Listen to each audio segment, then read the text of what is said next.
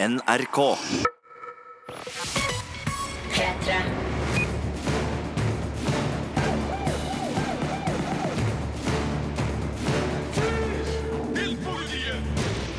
Hjertelig velkommen til en ny podkast fra oss i Filmpolitiet. Og hvilken podkast vi har i dag! For hva skal skje, Sigurd og Marte? Stjernesmellalarm for Star Wars-nyheter ryr inn. Det kommer både ny trilogi og ny TV-serie fra Star Wars-universet. Det er så kult! Helt ufattelig. Og en annen stor saga skal òg til TV-skjermen, nemlig Ringenes herre. Og det må vi selvfølgelig snakke om. Ja. Så har vi kikka på ukas nye premiere på kino.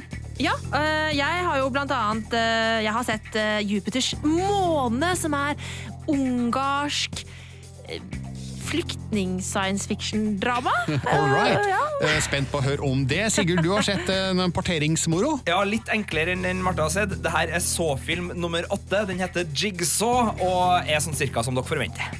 Jeg har sett den nye stjernespekka filmversjonen av Agatha Christies mord på Orientekspressen. Jeg har sett The Foreigner med Jackie Chan og Pierce Brosnan i hovedrollene. Og ikke minst den tøffe, iskalde thrilleren Wind River med Jeremy Renner og Elizabeth Olsen i hovedrollene, som jeg òg har møtt på filmfestivalen i Cannes. Og så har vi jo selvfølgelig spillnyheter. Harry Potter skal jo bli et Pokémon Go-aktig spill! Og så har jeg kosa meg med Assassin's Creed Origins. Filmpolitiet. Vi skal bevege oss over til ukas premiere premierer på kino. I hvert fall en av dem. Mord på Orientekspressen. Filmpolitiet anmelder film. A passenger has died on the train. He was murdered. Good God. Murder here. Alas, madame. God rest his soul. As we are snowbound, I have elected to take the case and find for my friend Monsieur Book the criminal. And why you? My name is Hercule Poirot, and I am probably the greatest detective in the world. Yes, verdens eh, mest berømte detektiv er tilbake, Hercule Poirot. Agatha Christies berømte roman Mord på Orientekspressen har jo blitt filma før, på 70-tallet. Noen som husker den? Jeg tror jeg så den på skolen en gang. Back har, in the day. Jeg har eh, sånne påskeminner om den, og min store fordel oppi alt det her da, er at jeg husker jo ikke hvem som er morderen i den filmen. Så, Så, ja. det vil kanskje hjelpe meg litt her. Det hjelper på, Sigurd. Det er helt riktig. Nå er det Kenneth Branagh som har laga en ny storslagen eh, filmatisering av denne historien. Stjernespekka så det hell. Han spiller jo da sjøl hovedrollen som Hercule Poirot, med en helt utrolig bart. Ja, jeg har sett Altså- bildene. den. Den er veldig svær. Veldig svær og veldig spesiell, og på et tidspunkt i filmen ser vi at han, han ligger med en sånn bart, et sånt bartedeksel eh, om, Om natta. Om, om natta. Så nei, eh, man tuller ikke med barten til Poirot, altså. Eller er det kanskje det han gjør her? Men eh, ved siden av Branna er Johnny Depp med, og Michelle Pfeiffer, Judy Dench, William Dafoe, Penelope Cruz og Daisy Ridley, blant andre. Så eh, her er det mange kjente fjes å se på. Eh, Og for de som ikke er kjent da med historien, så foregår det i 1934 på eh, toget som ble kalt Orientekspressen, fra Istanbul og gjennom eh, hele Europa, egentlig. Um, og der eh, blir de stranda i et fjellpass pga. et snøras, og så blir en passasjer funnet myrda. Og så er jo Parot om bord i toget, og um, han setter seg for å finne ut hvem er morderen. Så ingen sånn juridic, eh, jurisdictional uh, troubles her. Det er, det er sånn, nei, nei, nei, du er privatdetektiv. Det her er sovjetisk uh, territorie, eller russisk territorie. Du må, du må vente. De bryr seg ikke stort om det, nei. Det er helt riktig. Eh, veldig pent filma. Det vil jo en del oppdage, de som har muligheten til å se filmen i 70 mm-formatet i Oslo den neste tida. Eh, vi andre som ser den i vanlig digitalt format, vil òg se at det her er det flott, og det er dyrt, og det er eh, lekkert gjort på alle fronter, eh, men så syns jeg ikke at historien er så innmari spennende. Det er, det er gammeldags, det her, på godt og på vondt. Men altså, den, det er jo en gammel historie. Et, altså, det er jo Agatha Christie, liksom. Ja. Eh, Skulle de gjort om på, gjort om på mysteriet, liksom? Altså, jeg føler at øh, det er en historie basert på litt sånn thrillertradisjoner som vi har vokst fra. altså som eh, er litt gammeldags og utdatert på feil vis. Ja. Eh, Blant annet så um, er mye av mordmysteriet basert på at Poirot han finner da stadig nye spor som han henter fra sin store kunnskap, og som vi som ser på det her, ikke har mulighet til å henge med på. Ja, så vi kan ikke være med og gjette på samme måte, Over, kanskje? overhodet ikke. Så det blir eh, slik at vi blir sittende og skal beundre Parots eh, ekstreme intellekt, da. Eh, og det er jo for så vidt eh, morsomt å følge Branna i denne rollen, og det er aldri direkte kjedelig, men eh, det blir litt sånn trygt og ufarlig, og eh, blir ikke så spenstig da som en, en film i 2017 kanskje bør være. Jeg regner med det ble litt eh, dramatikk på settet, for jeg har litt slarv fra, fra innspillinga, hvis dere vil høre den, bare helt på tampen her. Ja, gjerne. Eh, Johnny Depp, eh, som da spiller i filmen her, skal visstnok ha sagt, ifølge Entertainment Weekly, til, til Daisy Ridley da, Jeg likte deg veldig godt i Rogue One. Åh, ouch. Så uh, shout-out til Felicity Jones der, og en liten Star Wars-krøll fra, fra godeste Depp. Men for å avslutte, Uh, mord på Orientekspressen uh, den er ikke helt eh, uten kvalitet, da, men eh, det fins allerede bedre versjoner, eh, Sidney Lumets eh, film fra 1974, og det fins også en eh, TV-film med David Suchet i sin glansrolle som Poirot fra 2010, som også er godt eh, likt. Så denne versjonen får Terningkast tre.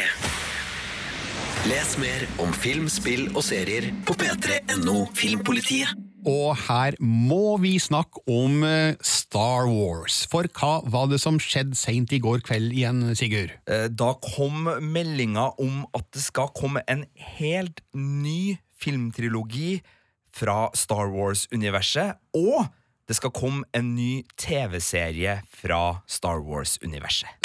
Det er for mye informasjon på en gang. Altså, It's too much! Overload! Men en helt ny trilogi, altså helt ny historie, helt nye figurer. Hva, Ja. hva tror vi? Altså, Jeg er veldig spent, fordi uh, Disney har da gått ut og sagt at uh, det, er, um, det er jo Ryan Johnson som, uh, som la, har laget The Last Jedi, som skal liksom ha ansvaret for denne nye trilogien og lage den første filmen. Og da tenker jeg sånn da må The Last Jedi være bra, tenker jeg da. Altså, når de på en måte putter han til å heade liksom en trilogi. Eh, og tenk så spennende, da! Noe som foregår liksom i universet, men som er noe helt nytt. Ja, De må ha hatt en god opplevelse med Rian Johnson da på The Last Jedi, åpenbart. Hvis ikke så hadde de aldri gått ut med det her nå. Nei. Og så er det jo selvfølgelig en god timing å gå ut med det her nettopp eh, nå, like før The Last Jedi faktisk eh, skal ut på kino. Du mener sånn at folk får den samme reaksjonen som Marte nå fikk, med at da må jo filmen være kjempebra hvis han har fått lov til Ja. Ja, det er akkurat det jeg mener. Eh, Men eh, det er jo interessant, de har jo sparka en del regissører, men de belønner tydeligvis dem de syns er veldig gode, da, de i, i Lucasfilm. Og det er jo spennende, fordi det skal da foregå i en del av Star Wars-universet som tidligere ikke har vært utforska på verken da Skywalker-sagaen eller standalone-antologifilmene, sies det. Og eh, da kan man jo bare gjette eh, hvor det skal foregå, men det blir jo da muligheten til å eh, selvfølgelig bygge videre på det vi liker. Jeg kan ikke se for meg at Lucasfilm nå skal slutte å gi oss den stemninga og den eh, vibben som de har gjort, men eh, jeg gleder meg til nye historier her. Ja, Men gleder vi oss til at de skal liksom gjøre seg ferdig med Skywalker-sagaen? Hvis det er én ting jeg har lært av Star Wars de siste ja, fire-fem årene, de gjør seg ikke ferdig med ting, Birger. De gjør seg aldeles ikke ferdig med Nei, med men jeg tenker Nå har vi nettopp blitt kjent med, med Ray og Poe og Finn. Utrolig gode figurer som jeg gleder meg til å se, se videre. Men, men eh, har de bare to filmer igjen, og så er det slutt? De har jo ikke utelukka noe som helst. De har bare sagt at det skal foregå utenfor Skywalker-sagaen. Og det kan jo bety så mye. Det skal jo også Han Solo-filmen foregår jo utenfor Skywalker-sagaen, men handler jo om en rollefigur vi absolutt kjenner godt eh, gjennom, eh, gjennom de seriene. Så jeg har vel trua der. Det er jo mer spennende med TV-serien, for vi fikk jo den nyheten nå. Eh, 2019 er en, eh, et årstall som nevnes der, og det er fordi at da kommer Disney med en ny strømmetjeneste der Disney skal gjøre sine egne ting. De skal også ha TV-serier basert på Monsters Inc. og High School Musical, og da en live action Star Wars-TV-serie. Hva tenker vi her? Nei, Kan man se for seg at Poe, Finn og Ray fortsetter sin historie der, eller er det mest Eh. sannsynlig at det blir en helt ny historietråd der også? Jeg tipper det blir en helt ny historietråd. Altså, tror, tror dere at liksom gjengen eh, kommer til å spille i en ongoing TV-serie? Jeg tror ikke det. Også litt fordi at en TV-serie nødvendigvis må eh, skaleres litt ned da, i Mm. forhold til eh, filmer, med hensyn til, til skala og budsjett og, og alt det der. Så mm, tror jeg nok mest sannsynlig at det er en helt ny historie som blir servert da i TV-serien. Det ryktes jo at det kan være den her Star Wars Underworld, som har vært en sånn greie siden 2005, som har blitt snakka om, som kan bli eh, eh, basisen for denne TV-serien. I så fall så skal den foregå i likhet med Han Solo standalone-filmen imellom Revenge of the Sith og A New Hope, da, og, og ta for seg litt de der eh, kanskje de litt mer outlaw-årene da, som Han Solo trivdes så godt i. En ting er klart, Disney kjøpte Lucasfilm-rettighetene for hva var det, fire milliarder dollar. Eh, Nå skal de tjene tilbake pengene, og vi sier vel egentlig stort sett eh, ja takk. Dette er Filmpolitiet på P3. P3. Med Marte! Sigurd? og Birger, og vi har allerede snakka om Star Wars, som skal bli både en ny trilogi og en ny TV-serie. Men det her er ikke den eneste franchisen i gigantformat som skal bli TV-serie. Pa,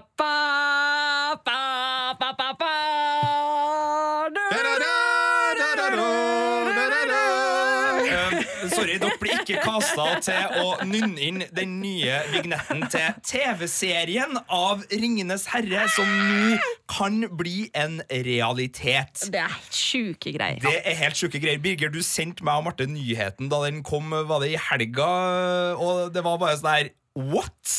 What the What? Ja.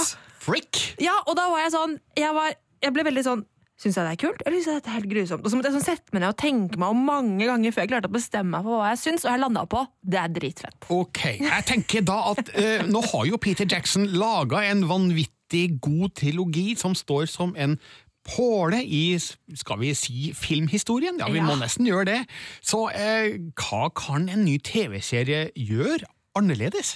Den kan i hvert fall gi Tolkien og Warner Brothers veldig mye penger, for det her er noe av de dyreste rettighetene som har vært på bordet på, på ganske lang tid. Eh, Tolkien-familien har ikke vært så heldig med å selge ting. Warner gjorde et kjempekupp da de fikk filmrettighetene av Tolkien-familien, men nå er det snakk om svimlende summer som 200-250 millioner dollar for rettighetene til det her TV-serieuniverset. Ja, og så er det jo veldig mye å hente her fortsatt. Jeg husker jeg sa da jeg hadde sett de første filmene at jeg digga de, men Tolkien hadde snudd seg i grava om det, om det gikk an. Liksom, han hadde hata Peter Jackson sine filmer, fordi det er så mye som er utelatt, og så mange detaljer som er borte. Eh, og det er jo masse å hente fra uh, Tolkiens bøker. Nå står eh, Sigurd her og holder opp to to bøker her. Det er veldig bra radio, Sigurd. Kjempefint. Hold, hold opp bøkene litt mer. Hvilke Jeg bøker? Hold uh, Silmarillion i den ene Ja. handa og Ringenes herre i den andre handa. Fordi det som du sier, Marte, det er så mye historisk man kan ta tak i. Man kan starte på, på Saurons uh, uh, tid, da han eh, hadde god kontroll over eh, Midgard. Det er så mye man, man kan gjøre her, så, så fanbiten i meg er ikke bekymra her. Men om det blir bra nok, er jo det store spørsmålet. Men skal de følge hele Frodo-linja på samme måte som, som filmene gjorde, eller skal man fortelle parallelle historier satt i samme univers?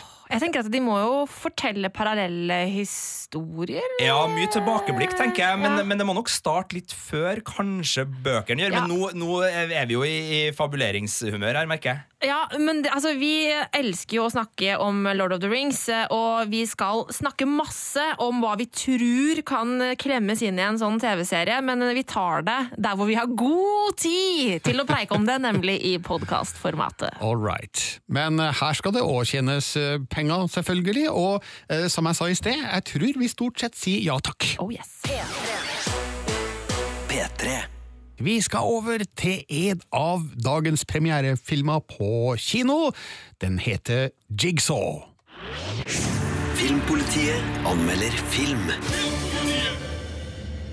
The blood under the fingernails of our victim, John Kramer, the jigsaw killer. That's impossible. The truth will set you free.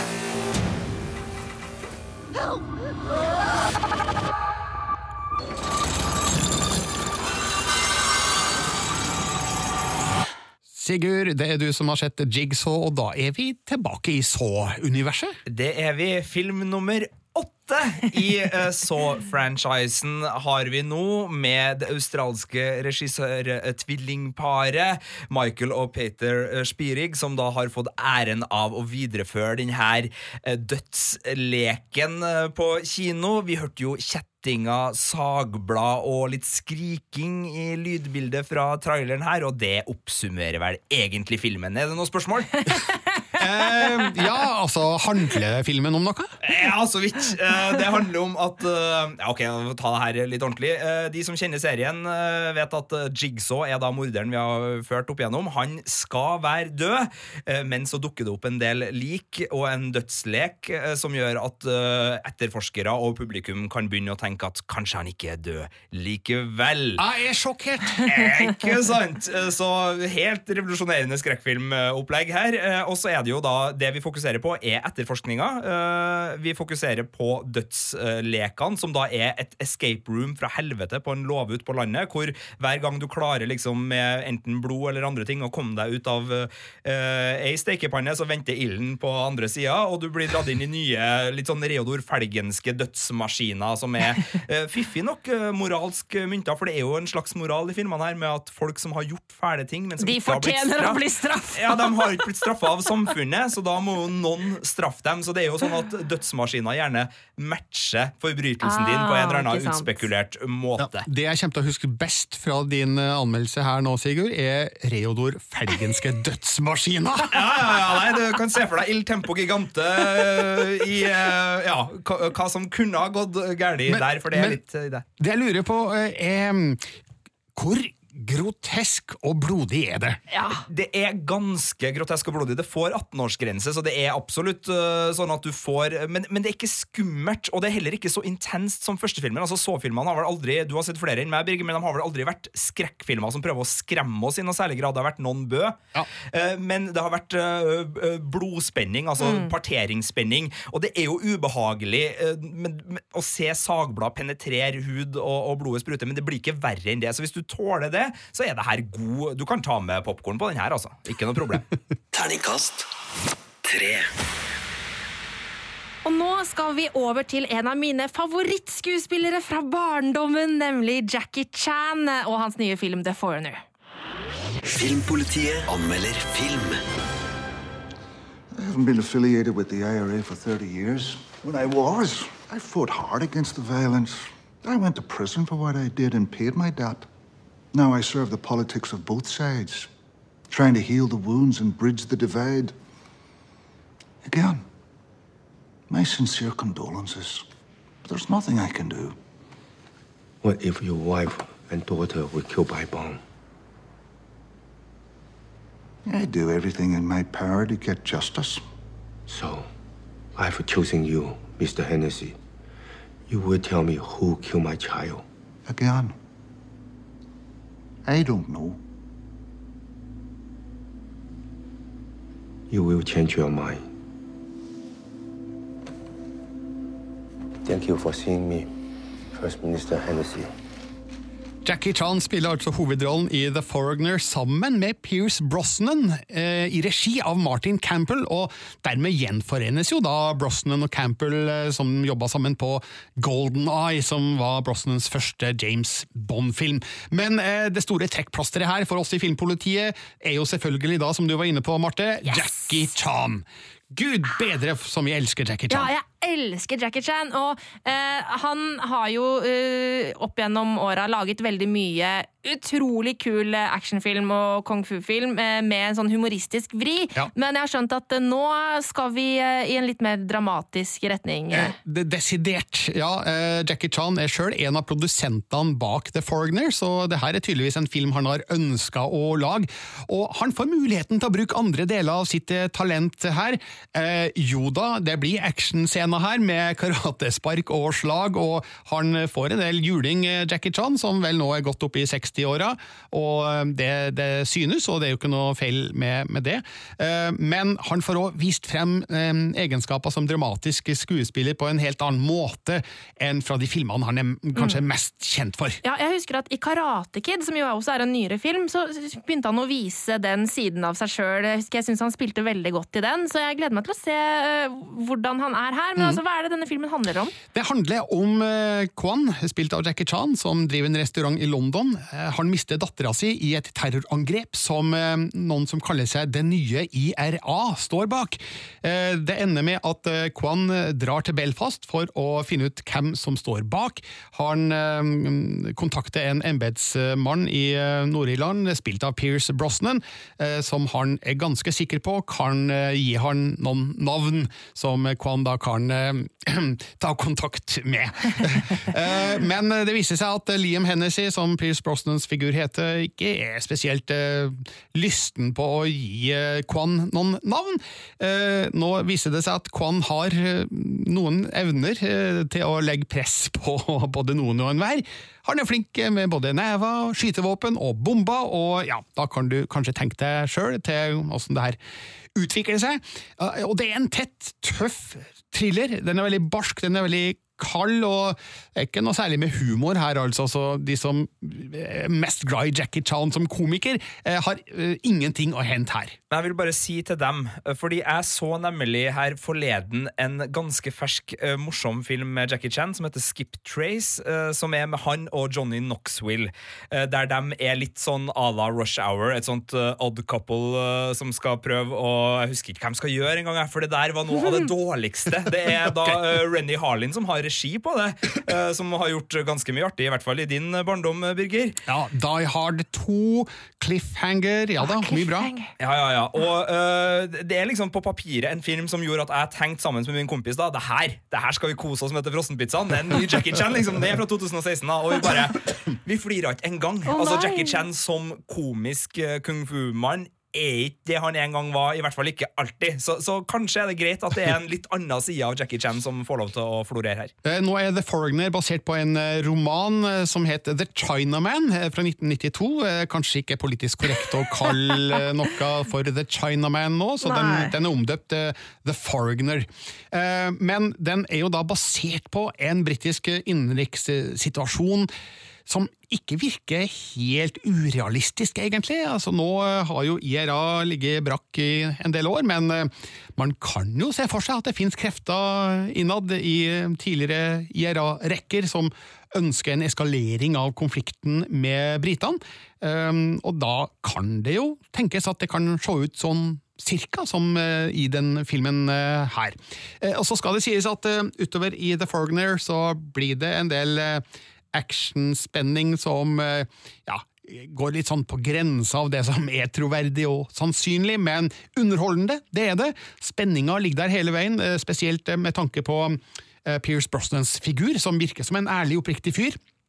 Men han har noe tvetydig over seg som gjør at du likevel tviler litt på hans intensjoner her. Og Jackie Chan spiller godt beherska eh, som en sørgende far på jakt etter rettferdighet. Eh, litt sånn samme type rettferdighet som Jeremy Renner er ute etter mm. i Wind River. Eh, så det er hardtslående, det som skjer i The Forgner. Eh, en del stygge scener også, men eh, absolutt eh, en positiv overraskelse med Jackie Chan i en god thriller. Terningkast fire. Les mer om film, spill og serier på p3.no Filmpolitiet. En ungarsk film har premiere denne helga. Den heter Jupiters måne. Filmpolitiet anmelder film. Så Arjan Do you have papers? Do you have documents? No, I, I lost it. You lost it? Yes. It's not good. But there's a possibility to get your papers, you know, but they are very expensive, like up to two million forints or something. But if you work for me with your extraordinary talent, you can earn that money, you know? And then I can help you to escape this place. Is it a good deal? Yes. Yeah? Okay, give me your hand. So now we are partners, me and you. Partners? Partners, yes? Why don't you drink?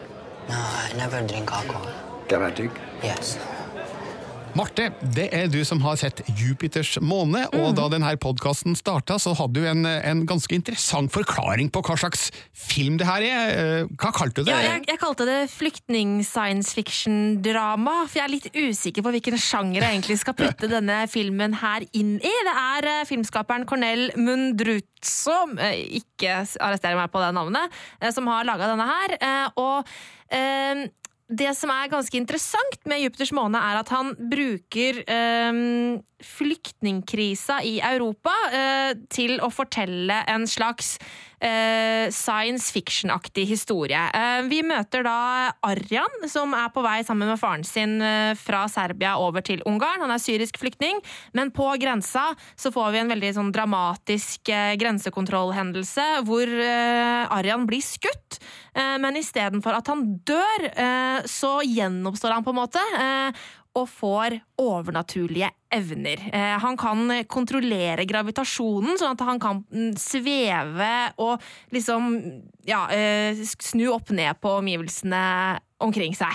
Markedsføringa av Jupiters måne trekker inn eh, paralleller til Marvel-film. Ja, det er veldig merkelig, fordi eh, jeg syns ikke at eh, Jupiters måne har noe som helst med Marvel å gjøre. Eh, det den har, det er en veldig sånn veldig flott eh, eh, foto. Eh, veldig sånn storslagne skudd eh, som er liksom Når Arian svever liksom over Budapest, og det er veldig sånn stort og fint, og det er veldig teknisk godt utført med eh, kamera som også er i lufta, og liksom spinner rundt omkring og overalt og rundt Arian, og det er veldig sånn forvirrende på en spektakulær måte. Eh, så det er på plass. Eh, men utover det så har det lite å gjøre med superhelter å gjøre. Eh, fordi Arian er mer en slags Jesusfigur enn en eh, superhelt. Men da jeg leste anmeldelsen din, så fikk jeg litt sånn inntrykk av at flyktningaspektet og tematikken forsvinner litt eh, her. Ja, og det er noe av det som er problemet med filmen. For at i starten så er det en veldig sånn tydelig kritikk av hvordan Europa har håndtert flyktningkrisa. Det er veldig mye sånn fokus på eh, det menneskelige i, i det, og hvor på en måte mye fæle ting flyktningene møter på sin vei, eh, og liksom korrupsjonen rundt det, folk som utnytter flyktningene og alt mulig sånn der. Um, og det er jo da um, en lege som Arian møter, som heter Gabor Stern, som på en måte finner ut at åh, en flyktning med, med superkrefter, han skal jeg utnytte til å tjene penger.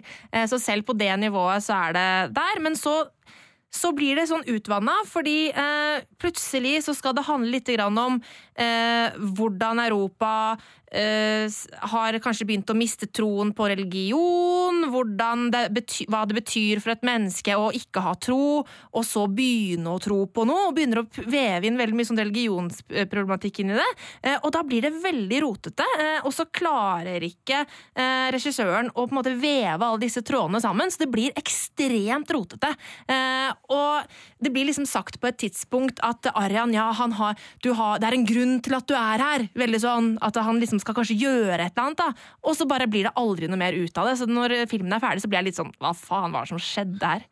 Jeg har jo ofte ikke veldig stor innlevelse i filmer som ønsker å inspirere med da spesielt religiøse perspektiver. Det har jo med, mitt, øh, med, med meg sjøl å gjøre og, og min personlige oppfatning av verden. Men klarer filmen å, å prøve filmen å bli inspirerende? Altså Har den de øh, motivene, eller er det mer beskrivende sak? Nei, det er ikke så veldig inspirerende. Det, det, som, det som er reisen i akkurat den religionsdelen, er det at Gabor Stern tydeligvis ikke tror på noe som helst. Han, han tenker bare på seg selv. Eh, og så gjennom på en måte, det møtet med Arian, og, så, som han i, først utnytter til å lure rike mennesker som er syke, eh, til at han Du kan tro på denne fyren. Han her, han kan jo fly, han kan gjøre deg frisk, noe som han jo da ikke kan. Til å liksom begynne å tro på han sjæl. Eh, så det er, en, det er liksom den reisen vi, vi følger der, da, men det er ikke noe sånn inspirerende over det på noen måte, nei. Og dermed får Jupiters måne Terningkast tre. Filmpolitiet. Dette er P3. Vi skal snakke om Wind River, en av dagens beste kinopremierer. Filmpolitiet anmelder film. She ran all the way here. Her lungs burst here. She curled up in that tree line, drying her own blood. Well, how far do you think someone could run barefoot out here? Oh, I don't know. How do you gauge someone's will to live? Especially in these conditions. Jeremy Renner og Elizabeth Olsen hørte vi her. De spiller hovedrollene i Wind River, som er en iskald og beintøff thriller med handling lagt til et eh, indianerreservat i Wyoming som heter Wind River. Eh, Mannen som har skrevet og regissert filmen, heter Taylor Sheridan, og han har vi hørt om før, Marte og Sigurd. Ja, altså Det er jo han som har skrevet Sicario, som er en knakende god eh, film. Og så har han jo vært med i Veronica Mars. Men, men han har også vært med i Sons of Anarchy, Marte. Ja. Ok, To gode TV-serier der. Jeg, kjenner den best fra Sons of Anarchy, hvor han spiller sheriffassistenten, som er ganske kul. Han skrev også manuset til Hell or High Water, som var en av fjorårets aller beste filmer. Og nå er det altså Wind River som han eh, både har skrevet manus til, og regidebutere med. Men man skulle ikke tro at det her var hans første film som regissør, fordi eh, det her har han virkelig stålkontroll på, altså. Det handler da om en eh, jeger, spilt av Jeremy Renner, eh, som jobber for Naturoppsynet i Wyoming. Han finner da liket av ei eh, voldtatt og ihjelfrosset jente ute i skauen. FBI-agent Jane Banner, spilt av Elizabeth Olsen, kommer til reservatet for å bistå det lokale politiet, og de eh, begynner da å nøste opp i hvem som kan stå bak. Og greia er at Elisabeth Olsens figur eh, leier da inn Jeremy Renners figur for å eh, finne spor, rett og slett, for det er han flink til. Det er så morsomt med Elisabeth Olsen at hun spiller FBI-agent, for jeg tenker fortsatt på hun som ung, men eh, hun er jo en voksen person. Ja, du, jeg, jeg nevner i anmeldelsen min at hun er jo da lillesøstera til Mary-Kate og Ashley Mm. Olsen, disse tvillingsøstrene som eh, har vært store TV-stjerner. Hvem er størst nå? Det er vel hun. Ja, ja, ja. Altså, Ingen tvil, egentlig. Hvor- Hva er det de driver med? De har noen motemerker Ja. De er jo mest kjent i siste for å ikke bli med på Fuller House-gjenforeninga. Ja. eh, For å si nei. Jeg tror de har trukket seg tilbake og lever på de penga det imperiet de allerede har skapt. Men ja, Elisabeth Olsen hun er en kul skuespiller. Ja, og nå har hun jo i de siste åra gjort seg bemerka i store kommerssuksesser som Godzilla og um, Avengers-filmer, der Mm. hun um, spiller og Nå har jeg glemt uh, hvem hun spiller der. Uh, Wanda Ja, hun, ja. Eh, hva heter det? Hun, ja. jeg, jeg, jeg, har det, jeg har det på tunga her, altså. Eh, og. Ok. Ja, Ja, ok. Men i hvert fall, Ja. eh, i hvert fall så gjør hun en veldig god rolle som en eh, fersk, men tøff FBI-agent som kommer inn i dette indianerreservatet eh, uten å egentlig vite hva hun går til. Og Jeremy Renner er også Wanda Maximoff! Sorry. Okay. Wanda Maximoff, Ja, takk skal du ha. Witch. Ja, okay. Scarlet Witch, nemlig. Eh, mens Jeremy Renner er Ja. også solid som eh, den stillfarne, men eh, tøffe jegeren som vi kan si legger ut på et aldri så lite hevntokt eh, her, fordi han eh, det, det skal vise, han blir ikke med i etterforskninga for å sette noen i fengsel. Eh, offeret i denne saken er nemlig mm, en venninne av hans eh, avdøde datter, og han er god kompis med hennes far, sånn at eh, her ligger det an til et brutalt oppgjør, rett og slett. Jeg får litt inntrykk av at både tematisk og ikke minst visuelt så ligger det ikke så mange hestehoder unna den nordiske noir-paletten som man kjenner fra serier som Forbrytelsen, litt eh, ikke Broen akkurat, da, men, og, og litt Monster kanskje også, som man har hatt på NRK TV nå. altså Klarer den å bruke naturen og plasseringa si på, i det her kalde reservatområdet til å, å gi en eh, kulisse som fungerer godt? I aller høyeste grad. altså De barske omgivelsene setter jo sitt sterke preg på historien og fremhever dramatikken eh, på en forbilledlig måte. Sånn du føler virkelig at du er ute i et øde og isolert område av USA når du ser filmen, og du forstår at eh, her, her må man klare seg på egen hånd. Her er det ikke noe hjelp å få, og det preger også da figurene og deres eh, veivalg. Så Wind River det er en eh, tøff thriller. har stor sans for mye her. Et par elementer som skurrer litt i mine øyne, og det har med det tar litt lang tid å komme inn på det her, da, men det er noe værproblematikk her, og samt at det, det, noen forsvinner ut av handlinga uten at uh, hovedpersonene ser ut til å bry seg så veldig mye om det, og det virker litt uh, rart. Og også FBI-agentens valg i filmens siste del virker ikke helt 100% troverdig.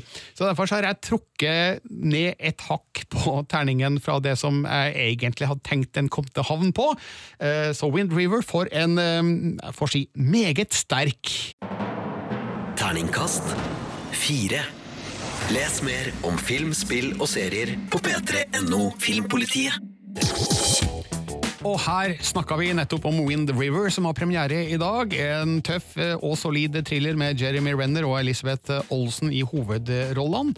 Jeg har jo da møtt begge to i Cannes i, i mai. Uh, Jeremy Renner han har vi jo sans for, folkens. Absolutt. Jeg syns han er en skikkelig kul fyr. Digger han som uh Bueskytter. Duden i Marvel-universet.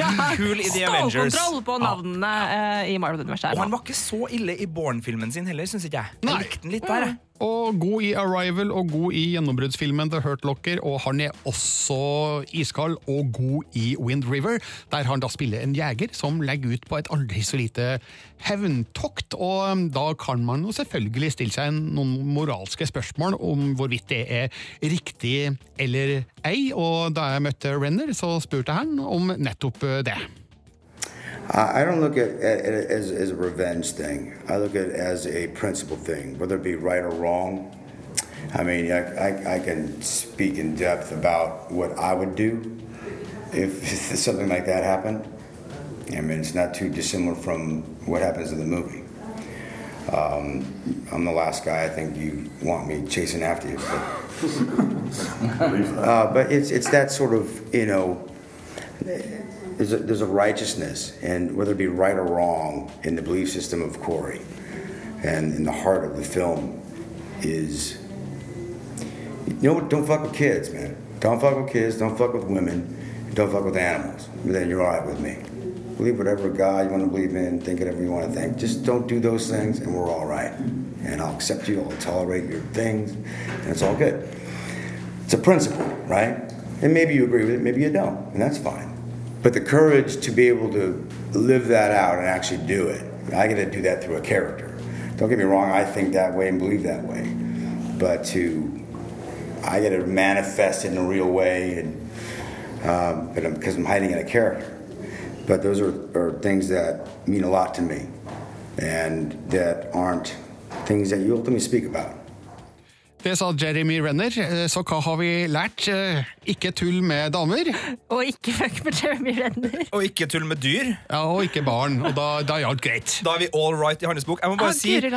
Nå er jo Clint Eastwood blitt 87 år gammel, og selv om han skal fortsette å både lage filmer og eksistere lenge, så kjenner jeg at med Jeremy Renner i det modige her, så, så, så føler jeg at vi har en, en slags eh, arvtaker til Clint Eastwoods eh, holdninger og syke i, i det her, altså. Eh, Jeremy Renner er en amerikansk mannemann. Han hørtes, jeg tenkte, jeg tenkte han hørtes amerikansk ut! Jeg, jeg så for meg at Birger intervjua han eh, der han satt i pickup-trucken sin og hadde rulla ned vinduet og bare liksom slengte av sånn Ja, ja, hevn er greit, ja, hvis det er noe med dyr og kvinnfolk og sånn, så må du ta hevn, altså. Hvis ikke, så går det galt. Elisabeth Olsen spiller altså da FBI-agent i Wind River. Eh, vi snakka så vidt om hun i sted. Hun er altså da lillesøster av eh, tvillingene Mary-Kate og Ashley Olsen.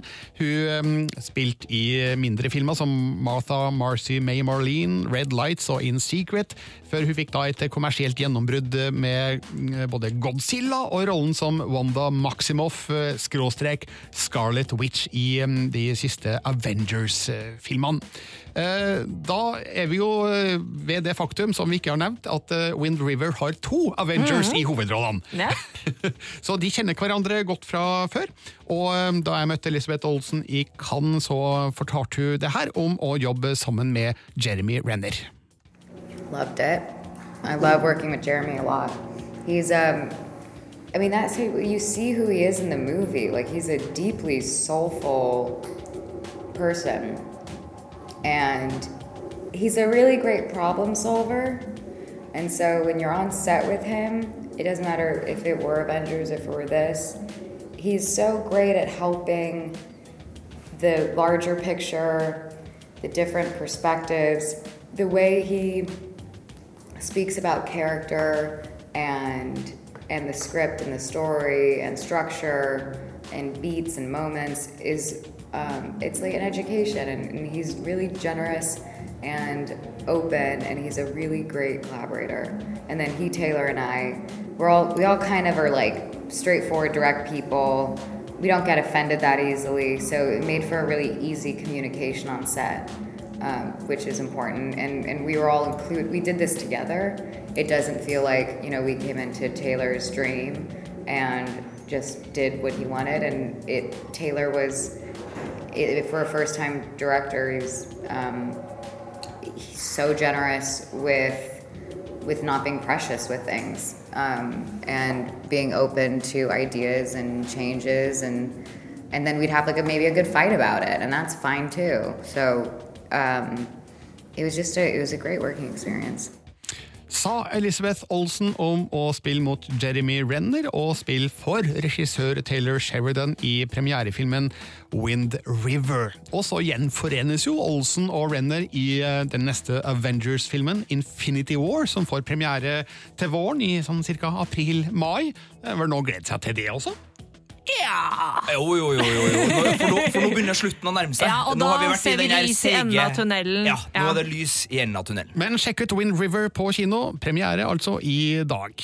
Les mer om film, spill og serier på p3.no Filmpolitiet. Filmpolitiet hver fredag fra 11 til 1 på P3. Og nå, Sigurd og Marte, ukas nyheter fra film- og TV-verden. Ja, og Da må vi jo starte med den store, gigantiske nyheten om at den siste uka her så har Tom Cruise vært på selveste Prekestolen og spilt inn Mission Impossible 6-scena, og den filmen den anmelder vi i 2018. Du har Harry Potter-nyheter, Marte. Hva, skal vi ikke snakke mer om Tom Cruise? Nei, vi trenger ikke å snakke mer om Tom Cruise. Jeg tror uh, norske medier har, seg. dekket det. Han har forlatt landet. Uh, det er siste nytt. Tom Cruise has left the prekestolen, så uh, moving on. Vi skal snakke om Harry Potter fordi, folkens, Harry Potter Wizards Unite, it is a thing. Eh, I fjor eh, en gang så kom det et rykte om at Niantic, som lagde Pokémon Go, skulle eh, lage et Harry Potter-spill, og nå er det altså in the works. Det er bekrefta, og det har fått navn. Herregud, Harry Potter-spill som Pokémon Go-opplegg! Det er jo dødsfett! Er ikke bare en sånn slags Marauders Map-greie? Oh, I solemnly swear that I'm up, up to no good. Håper man må si det inn i telefonen sin før man får lov å, å begynne å spille. Det her er kjempespennende. Hvordan tror vi det her skal funke sånn rent praktisk? Ja, altså Det er jeg også veldig usikker på. Fordi, eh, men det jeg regner med, da, er at eh, vi også her kommer til å ha forskjellige lag, sånn som vi hadde i Pokémon Go. Og da er det jo eh, naturlig å tro at disse lagene er Hogwarts-husene. Eh, så eh, Ravenclaw, here I come, just saying. Eh, så, men hva man skal gjøre, og hva man skal bekjempe eventuelt, eller ta over, det vet vi ingenting om ennå. Men jeg er, som dere hører, engasjert. Eh, Du nevnte jo Ravenclaw, og det vet du fordi at du har testa deg eh, Ja. ordentlig for å finne ut hvilket hus du tilhører. Ja, det må- Eh, og kan det er, noe, det er kanskje noe man må begynne å gjøre allerede nå, for å bare Ja. vite hvor man skal melde seg inn. eh. Ja, fordi altså, eh, Man kan ta mange sånne tester, men Pottermore, som er liksom den offisielle siden til JK Rowling, der kan man ta en ordentlig inngående test eh, om eh, eh, hvilket hus du hører hjemme i. Og når du da er sortert inn i et hus, så kan ikke du gjøre det på nytt. Ikke sant? Så det er serious business, liksom. Er du Kan så- du som er Harry velge om du vil til Slytherin eller Gryffindor ut fra Nei, nei, din egen nei, kan- magefølelse? Nei, det kan du ikke. Men det er liksom, du, du gjør ting underveis i denne testen, og så blir det sortert inn i huset ditt. Men Vet vi noe om hva man skal gjøre i det her spillet? Nei, det er jo samme som Pokémon Go, at man skal gå rundt eh, og eh, antageligvis ta over eh, ting, da, i likhet med disse greiene i Pokémon Go, men vi vet ikke hva det skal være. Um, så, men ja, Wizards Unite, det sier jo noe om, om Så kanskje det er et eller annet eh, at det er Wizards mot The Dark Arts, eller Wizard mot muggles? Jeg vet ikke. Wizard mot muggles! Så du var i Raven... Er ikke du i Slytherin? Nei da, eh, jeg bare tulla. Jeg er i Ravenclaw. Sykt smart ut. Men her må man altså ha en mobiltelefon, en smarttelefon, for Mm. Ja. å kunne spille spillet. Eh, vi har også nytt om eh, konsoll, for de som sverger til det. Ja, ikke sant? Denne uka så kom jo da Microsofts nye storkonsoll Xbox One X på markedet. De omtaler den som verdens kraftigste spillkonsoll. Jeg tror når de sitter på rommet sitt, så sier de 'Verdens kraftigste spillkonsoll'! Ja. de- De påstår sjøl at den har 40% mer kraft enn noen annen konsoll. Ja, altså, det, det er jo litt sånn det, det er jo, De er jo ikke bygd på samme måte, så det er ikke bare bare å liksom sette PS4 Pro og Xbox One X opp mot hverandre og ø, konkludere med hvem som er best, men altså uh, Den har mer ytelse. Den, den, den vil uh, antageligvis være bedre grafikkmessig, og ja Jeg har ikke testa det sjøl ennå, men eh, den skal bli kjøpt inn. Og så har den en terraflopp.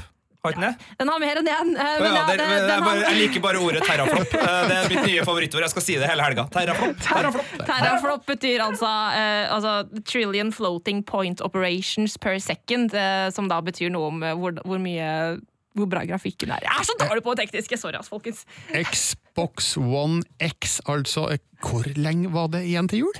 Ja, eh, Kan det være tilfeldig at eh, den konsollen kommer akkurat nå? Filmpolitiet. Filmpolitiet. Les mer om film, spill og serier på p3.no Filmpolitiet. Marte, du har testa spill denne uka. Yes, jeg har spilt uh, Assassin's Creed Origins. Filmpolitiet anmelder spill. Your legend, assassin, is spreading. The corners of this world speak of a man who fights without being seen. We must continue the fight and defend the free will of the people.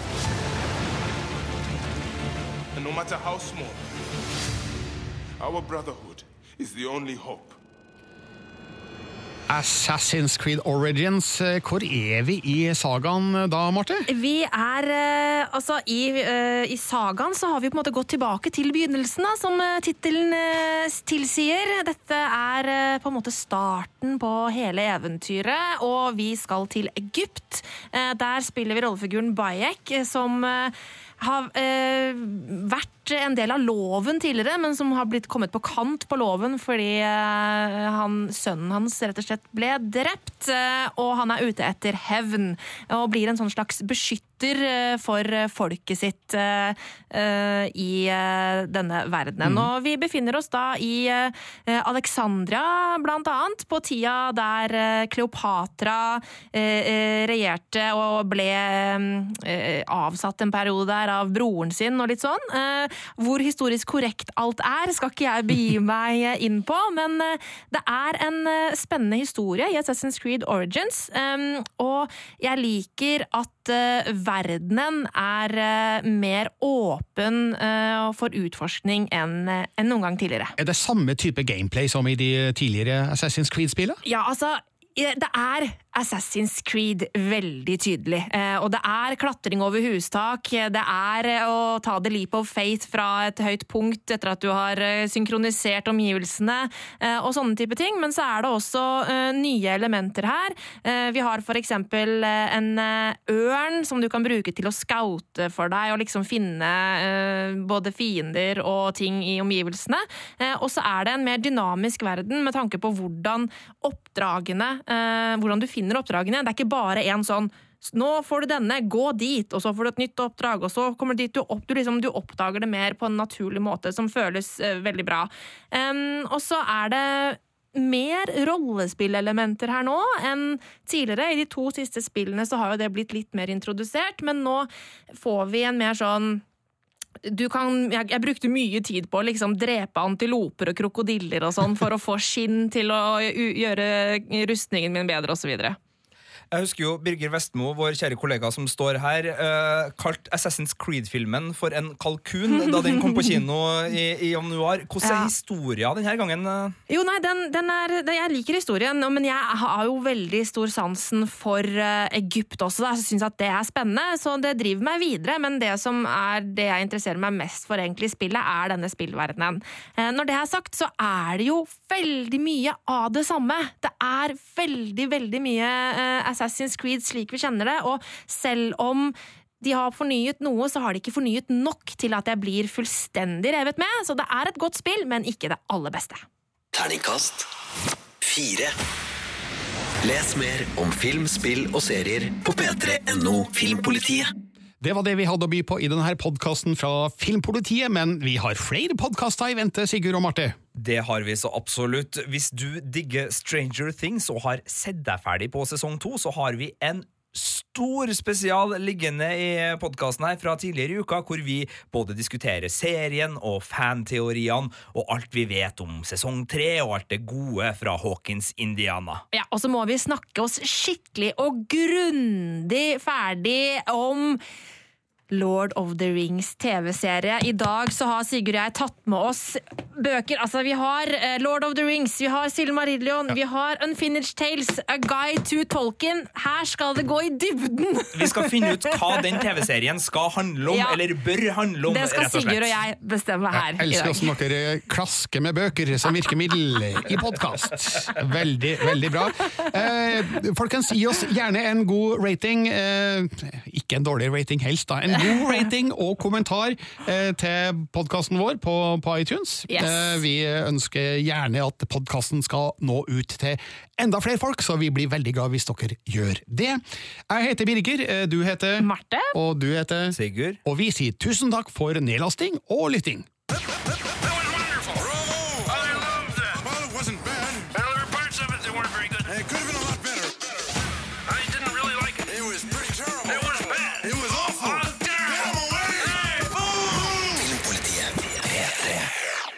Du finner flere podkaster på p3.no podkast.